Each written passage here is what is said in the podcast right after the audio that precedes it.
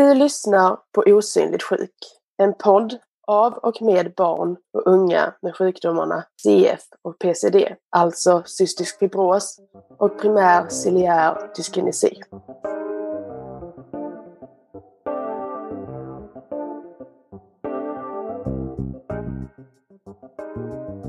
Hej och välkomna till podden Osynligt sjuk. Det här är ett bonusavsnitt och en fortsättning på förra avsnittet. Så ni får gärna lyssna på det först. Idag fokuserar vi på hur vi blir bemötta av vården. Jag är Matilda. Och det är jag som är Melina.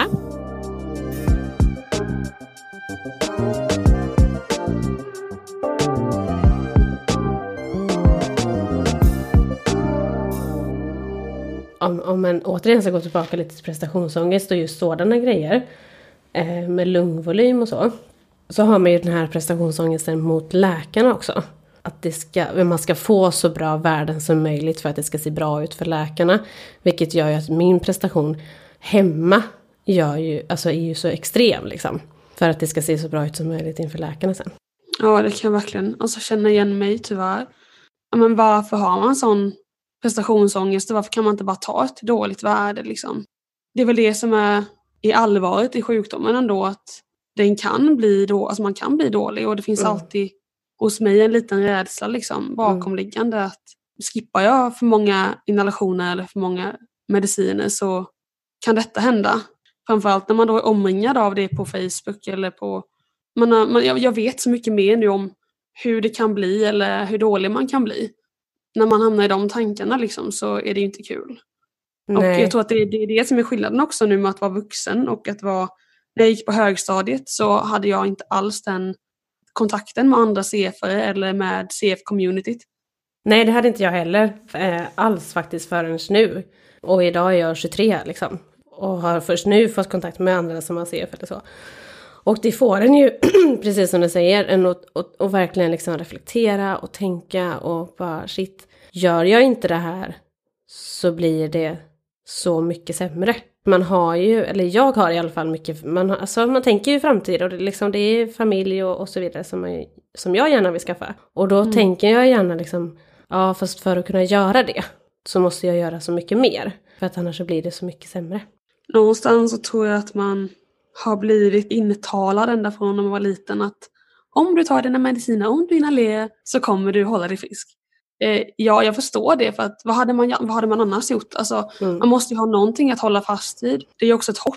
Eh, tror man att det är bättre så kan det alltså bli det bättre. Liksom. Å andra sidan så är det ju därför man alltid blir så besviken när det inte blir bättre. Mm. Det kan ju vara att man har jobbat jättehårt liksom, med inhalation och med tagit alla sina mediciner och så kommer man och det ger inget resultat. Det är ju där man blir besviken.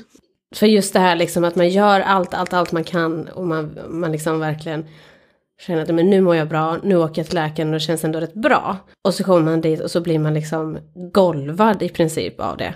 Alltså av resultaten och bara, ja, fast det var verkligen inte så bra. Det var sämre än sist eller sådär.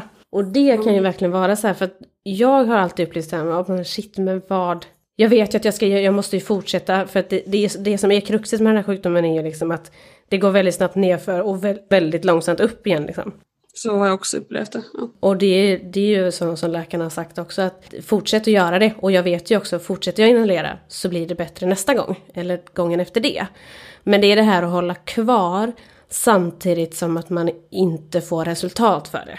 Ja, och det var där man ibland undrar om man blir lite invaggad i någon falsk trygghet. För att Ja, jag, alltså, jag förstår, jag säger absolut inte till folk att sluta ta sina mediciner för guds Nej, skull. verkligen inte. Men jag tror att man kanske måste vara lite realistisk också och vara lite snäll mot sig själv. Om man, ja, men det, vi har en sjukdom ändå, det är någonting vi inte kan påverka och om man har den synen tror jag också man inte lägger så mycket skuld på sig själv. Mm. Ehm, eller på andra som har ja, men det är jätteviktigt att man inte skuldbelägger de patienter som är sämre för att, mm. och säger att det beror på hur de har skött sin sjukdom. Nej, för det, alltså, det, är inte, det är inte rättvist att säga så. Det är det jag kan känna att om man då går in med inställningen att jag är som vem som helst, då ser man ju inte heller allt man gör som ingen annan gör. Och kan man då ge sig själv cred? Eh, jag har tyckt det har varit väldigt skönt ibland att bara liksom få ja, men bryta ihop och känna mig liten och trött och också efter det kommer ofta så här, men gud vad, vad duktig du har varit. Att kunna ta det till sig och kunna återhämta sig, liksom landa i det. Jag tror också att det är viktigt att, att man kan bry, få bryta ihop och jag gör gärna det tillsammans med någon, alltså min sambo eller min mamma som har varit väldigt stor stöd genom hela min uppväxt. Och liksom bara ringa till mamma och bara säga att ja, jag måste bara få gråta och älta det här lite grann. Och sen efteråt känna liksom att, ah, okej, okay, fast jag gjorde ju också det här bra. Och jag gjorde det här bra. Och jag gjorde ju faktiskt inhalationerna hela tiden ändå.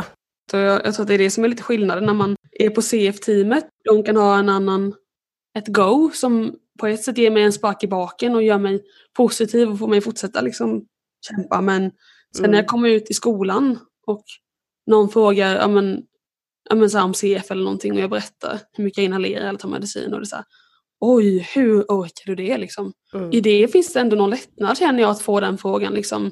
Ja, men wow, alltså shit du, det är riktigt bra liksom. Att man får någon som säger, ah, men shit, gud vad duktig du är som klarar av det här hela tiden. Ja, att det inte är någonting som är självklart. Nej, precis. Och jag, lite naivt nog, har jag alltid bara, ah, ja men gud, jag är van vid det, det är skitsamma för mig liksom. Samtidigt som det ändå, fast jag kanske faktiskt kan ta åt mig av det då. Och känna att, ja men jag, jag är faktiskt rätt bra som klarar av det här. Eller vi allihopa är det som har CF.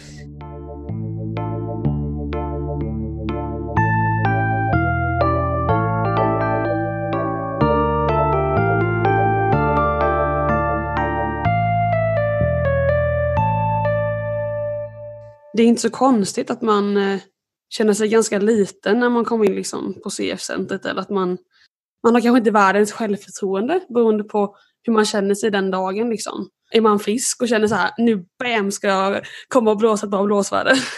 Det kanske man inte alltid gör och det påverkar hur man känner sig i den situationen hos en sjukgymnast eller, eller hos en läkare eller någonting sånt.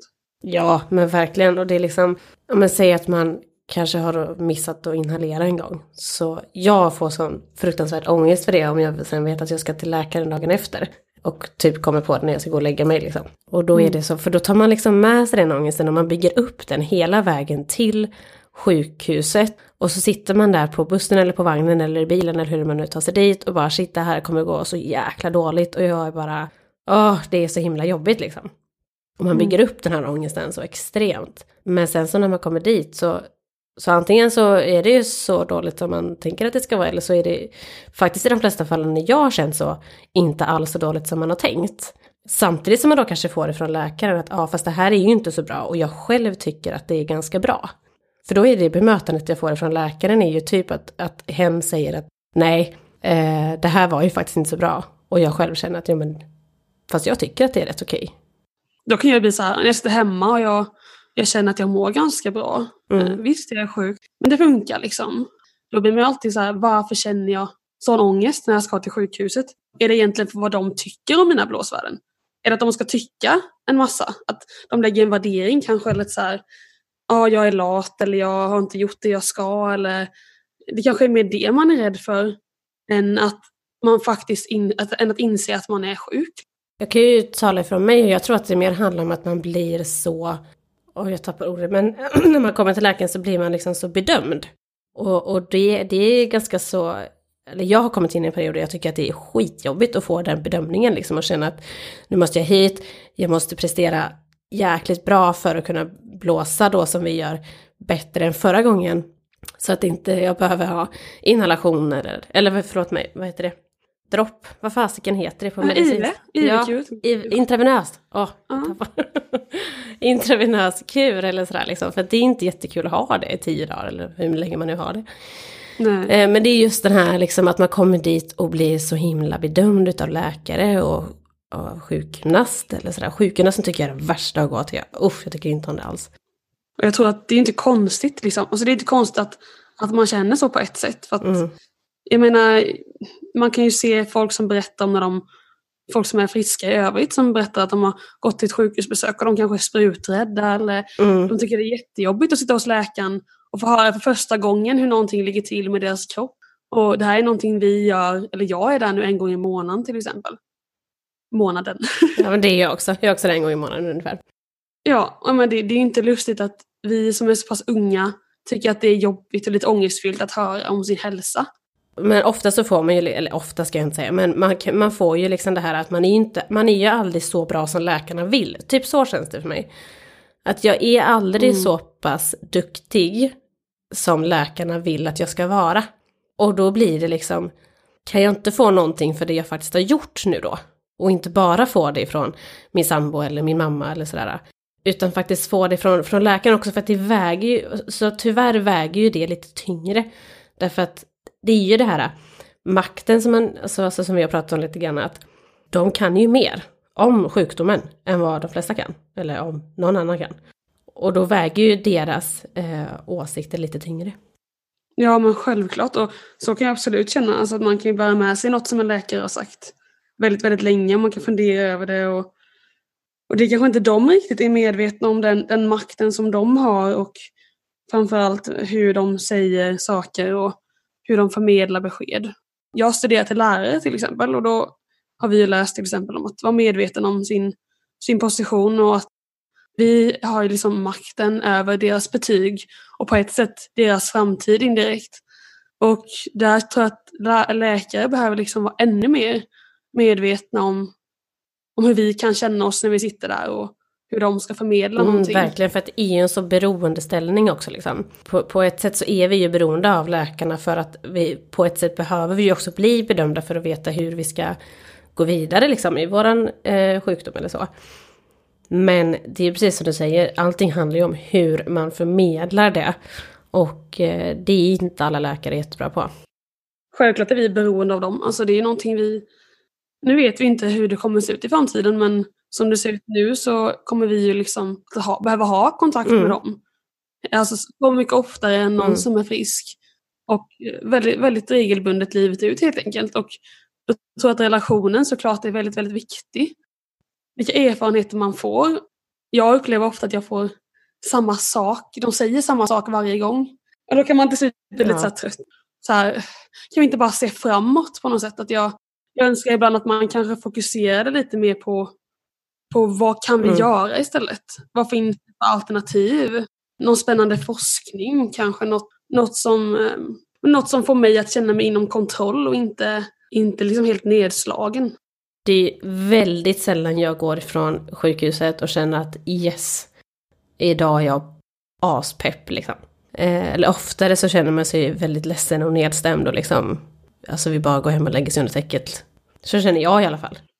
Och det upplevde jag ändå på barn, att man, man hade, på barnavdelningen ska jag säga, eh, att man, jag gick ofta därifrån och kände mig så peppad och liksom så nöjd med mina värden och liksom verkligen eh, en helt annan sak. Ja, jag tror att det ändras lite grann för att nu är man ju vuxen, tyvärr. Nej, så, nej men man är ju vuxen nu och, eh, det, och då tror jag att man förväntas hantera det på ett annat sätt. Liksom. Och då förväntas det också att man ska kunna ta dåliga besked eller sådär. Och visst, absolut. Det är klart att man hanterar det på ett annorlunda sätt. Nu bor man ju själv eller bor med någon annan, men man bor inte med sina föräldrar liksom, och då kanske det blir annorlunda. Men samtidigt så är vi ju faktiskt människor som råkar ha cystisk fibros. Och då kan man ja. klarar inte av hur mycket som helst. Allting handlar ju om att, att läkarna oftast behöver tänka på hur de lägger fram någonting. Och faktiskt ser bra i saker, inte bara negativt. Och det kanske också handlar lite om hur ser man på hälsa? I, i hälsa endast att eh, vi ska försöka hålla uppe vår lungvolym så mycket som möjligt? Och vi ska försöka sträva mot att vara friska så mycket som möjligt? Eller kan det faktiskt handla om någonting mer? kan vi faktiskt ändå vara väldigt lyckliga och må bra ändå. Och framförallt så här upplever jag att man, man strävar efter någon form av önsketänkande från läkarna. Att ja, men en gång så var du så här bra och hade den här lungvolymen. En gång för sex år sedan. Och jag har inte mm. haft det sedan dess. Då är det kanske inte heller realistiskt att tänka att jag kommer dit igen. På, alltså, alltså lite grann så här att de, det, det, det är någon något önsketänkande som jag själv känner att, ja fast det där kommer aldrig att hända och händer det så är jag jätteglad i så fall såklart. Du kan inte förvänta dig att jag kommer och har den lungkapaciteten efter en månad när vi kom på det här liksom, att vi såg det. Nej, och jag, jag upplever också väldigt mycket att det är så här, man, man fastnar väldigt mycket i, eh, i om man har haft en svacka. Mm. Så går de ofta tillbaka och tittar och det kan vara så här, det här ser inte bra ut. Och sen en månad senare, ja det såg inte bra ut förra gången. Och sen sex månader senare. Ja, där hade du ju en svacka Mm. och vi vet ju inte varför du hade den svackan. Och du vet, för dem kanske det är så här, de tittar på det som med nya ögon varje gång. Där måste de förstå att det är kanske någonting jag, det vet jag liksom. Jag vet det och för mig är det väldigt jobbigt att bli påmind om det. Ja men lite grann så här, framförallt just om det är så här svackor, för det kan jag verkligen känna igen mig För det, ofta så går man ju tillbaka till det och bara, ja ah, varför hade du det? Jag, bara, jag vet, alltså, ja det var ett halvår sedan, år sedan, hur ska jag komma ihåg det? Men också så här, ja fast släpp det lite grann då. För nu är jag inte så dålig. Nu blåser jag ju faktiskt bättre. Ja, och sen vet jag inte om de letar lite efter att man ska komma och säga, ja ah, nej men jag inhalerade inte så bra den månaden, jag tränade inte så bra eller vem ska svara på den frågan liksom? Är det verkligen värt att sitta och tänka någonting kring det? Men framförallt så här, inte, så, alltså, inte hålla kvar i det så långt. Och som sagt, alltså, det är väl klart att, ja, att jag hade en så himla bra, nu vet jag inte hur länge sedan det var, men jag vet att det, det var några år sedan som jag blåste så här jätte, jättebra en gång. Och det är väl bra absolut att ha det som mål för mig. Men det är också någonting som inte bör styra allting också liksom. Och det är väl lite grann där liksom som man kommer in på det här att de ställer väldigt mycket krav, läkare eller liksom CF-team så överlag. Ställer väldigt mycket krav men, men vi har inte möjlighet att ställa dem några krav tillbaka. Det kan vara extra viktigt att, att få reda på sina, sina rättigheter och få tycka till om sin vård när man har så pass tät kontakt. Och att eh, de visar att vi lyssnar på dig och vi, vi är intresserade av vad du tycker.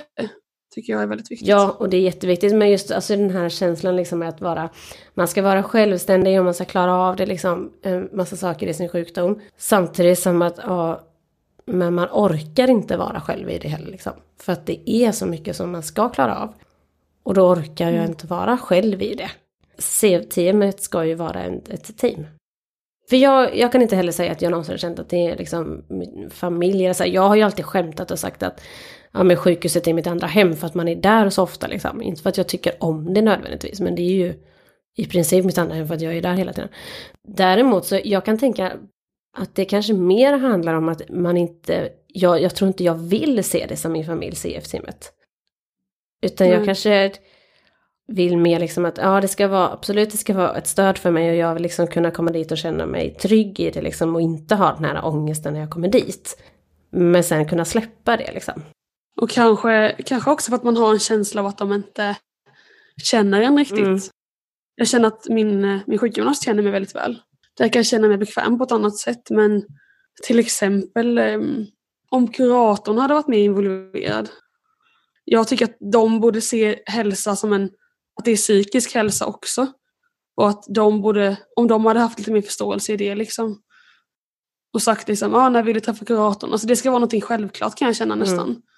Om inte man säger att man inte vill såklart. Ja, du tänker att det är liksom, för jag själv har jag fått ganska, väldigt, väldigt bra hjälp så, eh, utifrån just psykolog eller Ja. kurator. Men det är ju för att jag själv har tagit den kontakten också. Att det är klart att det hade, precis som att det är lika självklart att träffa läkaren eller sjukgymnast eller borde det vara lika självklart att träffa faktiskt en, en kurator eller psykolog eller så. Därför att det, är, det sitter mycket i psyket, sjukdomen. Och det är så mycket runt om som kan påverka ens hälsa. Alltså, det kan ju vara liksom förändringar i livet eller sånt som man inte kan rå för i stunden. Det kan ju vara saker som gör att man inte kan eh, ta sin, sin in, alltså inhalation lika bra. Det kan alltid hända saker liksom. livet finns ju fortfarande liksom och mina, mina ja men exempelvis mina föräldrar skildes när jag var eh, 17 tror jag, 16-17 år där någonstans och det var, det påverkade ju liksom en del. Men gav du det någonsin som skäl då till läkaren? Liksom, kunde, kände du att du kunde säga det till läkaren att "Men jag är faktiskt i en tuff period nu, det kan, det kan vara därför liksom som mina värden inte är så bra eller? Ja, det gjorde jag nog. Det var ju samma veva där, så eftersom att jag var 17 så höll jag ju på att gå över till, eh, till vuxenavdelningen också. Så, och, och helt ärligt så är det just den perioden är ganska så, så suddig för mig. Liksom, eller sådär. Ja, det tror jag absolut att jag, att jag gjorde, för sådant har jag aldrig liksom känt. Det är nästan skönt att känna tycker jag, att ja, men nu är det faktiskt någonting tufft som har hänt och jag har en anledning. Det är jobbigare nästan att, att inte ha det. Därför att då någonstans så är, då ligger det bara på mig själv och då är det ju mycket tuffare. Det är ju alltid lättare att skilja ifrån sig. Jag kan ju säga nu har jag ju också haft en del tuffa perioder liksom och då är det klart att, att, att läkarna säger ja, ja men jag förstår men du borde ändå komma tillbaka nu. Bara, ja absolut, men jag förklarar ju ändå det du frågar efter.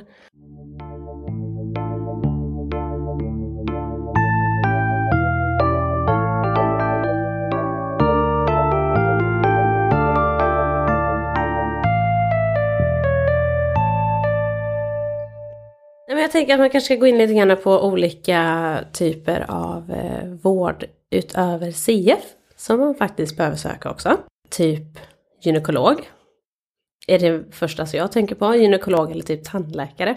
Just när det gäller gynekolog så har jag upplevt i alla fall att det har varit väldigt svårt att få, eller de har inte vetat, dels har de inte vetat vad CF är för någonting. Och man måste förklara det. Och sen så kan det ju påverka både fertilitet och så vidare om man har CF. Vilket är lite märkligt att inte gynekologer vet om det. Ja, det borde ju egentligen liksom kanske ingå lite i utbildningen. I alla fall så här liksom att att ah, okej, okay, ja, vet du, ja, jag vet inte vad det är men en, någonstans är en vilja att ta reda på vad det är då kanske. Ja men jag ska kolla med min kollega och de kanske vet vad det är. Och hur vi ska gå vidare med det här problemet som du har nu. Om det har någon, för oftast så får man, nu vet jag inte, jag vet inte om det är generellt med just gynekologer så får jag så fattiga svar ifrån dem. Om, man, om jag har något problem så säger de, ja men det sitter i psyket, gör det här och så går det över eller liksom sådär. Alltså det är liksom sådär, oh, man kommer liksom ingenstans och sen så just att man måste liksom hela tiden förklara vad, vad CF är för någonting för, för det första ens liksom att de ska veta vad det är och sen att de behöver ta reda på vad, hur det påverkar mig då liksom. Och sen så tänker jag också så här samtidigt som att man kan ju förstå att inte alla vet om alla sjukdomar. Ja. Det har jag full förståelse för. Men en gynekolog som ändå bör veta vad det är för sjukdomar som påverkar underliv och så vidare, liksom. alltså det området, borde ändå veta vad CF är. Man kan ju ändå få bli irriterad eller få känna sig frustrerad liksom ändå. Ja, men liksom det är det här att jag, jag, har, jag, jag har lite svårt att förstå. Men det är samma sak med tandläkare liksom. Jag var hos tandläkaren för några veckor sedan, en ny tandläkare. Berättade då att jag har CF. Och hon hade ingen aning om vad det var för någonting. Ingenting. Hon tog fram ett litet så här flygblad. Där var det en lista på olika sjukdomar som får en viss ersättning då. Tandläkarersättning. Och då stod cystifibros med. Och det var liksom bara som att hon bockade av den. Okej, okay, du har CF, då kan du få en viss ersättning. Men inte hur det påverkade min munhälsa på något sätt. Alltså det, det var liksom som att hon inte, hon frågade ingenting om det och det var liksom ingenting så som hon förklarade för mig heller. När jag frågade.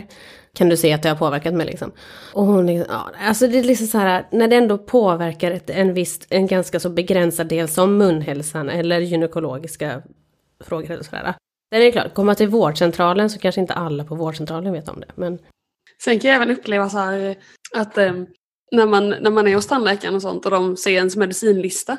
Att det är så här, och äter du verkligen så här många mediciner? Eller mm. eh, de blir liksom chockade över listan på mediciner. Eller, eller när jag är på apoteket nu för tiden och ska beställa min medicin som heter Okambi då. Den är ju väldigt, väldigt dyr medicin. Men varje gång jag kommer till apoteket och ska beställa den så säger hon samma sak. Hon säger oj vad dyr den här är. Jag blir alltid så förvånad över hur dyr den här medicinen är. De flesta mediciner är ju dyra, sen Orkambi är ju extrem liksom. Eh, och då har vi ganska mycket, en del av Sveriges välfärd att tacka med högkostnadsskydd och sådär. Att, att vi bor i Sverige liksom.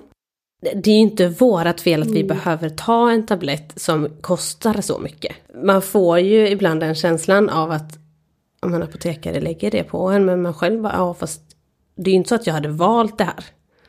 Om jag, om jag fick ett val liksom. Det är också bemötande, liksom att man kanske tänker lite på hur man säger någonting och, mm. och så här, vad, vad, menar jag egentligen med det här? Alltså, det, det är ganska liksom förolämpande egentligen till exempel att när man frågar någon, alltså ifrågasätta, liksom, äter du verkligen så här, så här många mediciner eller och sen så kan du säga samtidigt är det så här att man ser ju oftast inte någon som, som tar så mycket mediciner för det är ganska mycket olika tabletter som man tar. Men då kan man också så här just att säga en sån sak, det kan bli gran, ganska så liksom, jag vet, eh, inte nedvärderande heller är det ju inte på det sättet, utan det är ju liksom, jag vet inte riktigt hur man ska förklara det. Men det blir liksom så här, det blir jobbigt att höra det hela tiden liksom.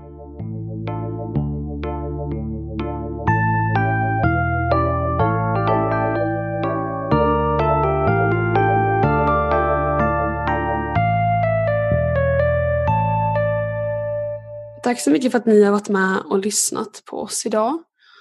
Om ni tycker att den här podden är intressant eh, eller rolig rent av så får ni jättegärna gå in och gilla oss på alla ställen som finns och även följa oss där poddar finns. Vi är, all, vi är glada för all feedback. Och sen så finns vi också på Instagram och Twitter. och Där heter vi podden Osynligt sjuk. Och sen så har Riksförbundet CF, alltså RFCF, har en hemsida som man jättegärna får gå in på och kika lite närmare på. Eh, där man också kan hitta podden. Och sen så har RFCF också en Facebook-sida. Så säger vi väl tack för idag och tack så jättemycket igen för att ni har lyssnat på oss. Hejdå!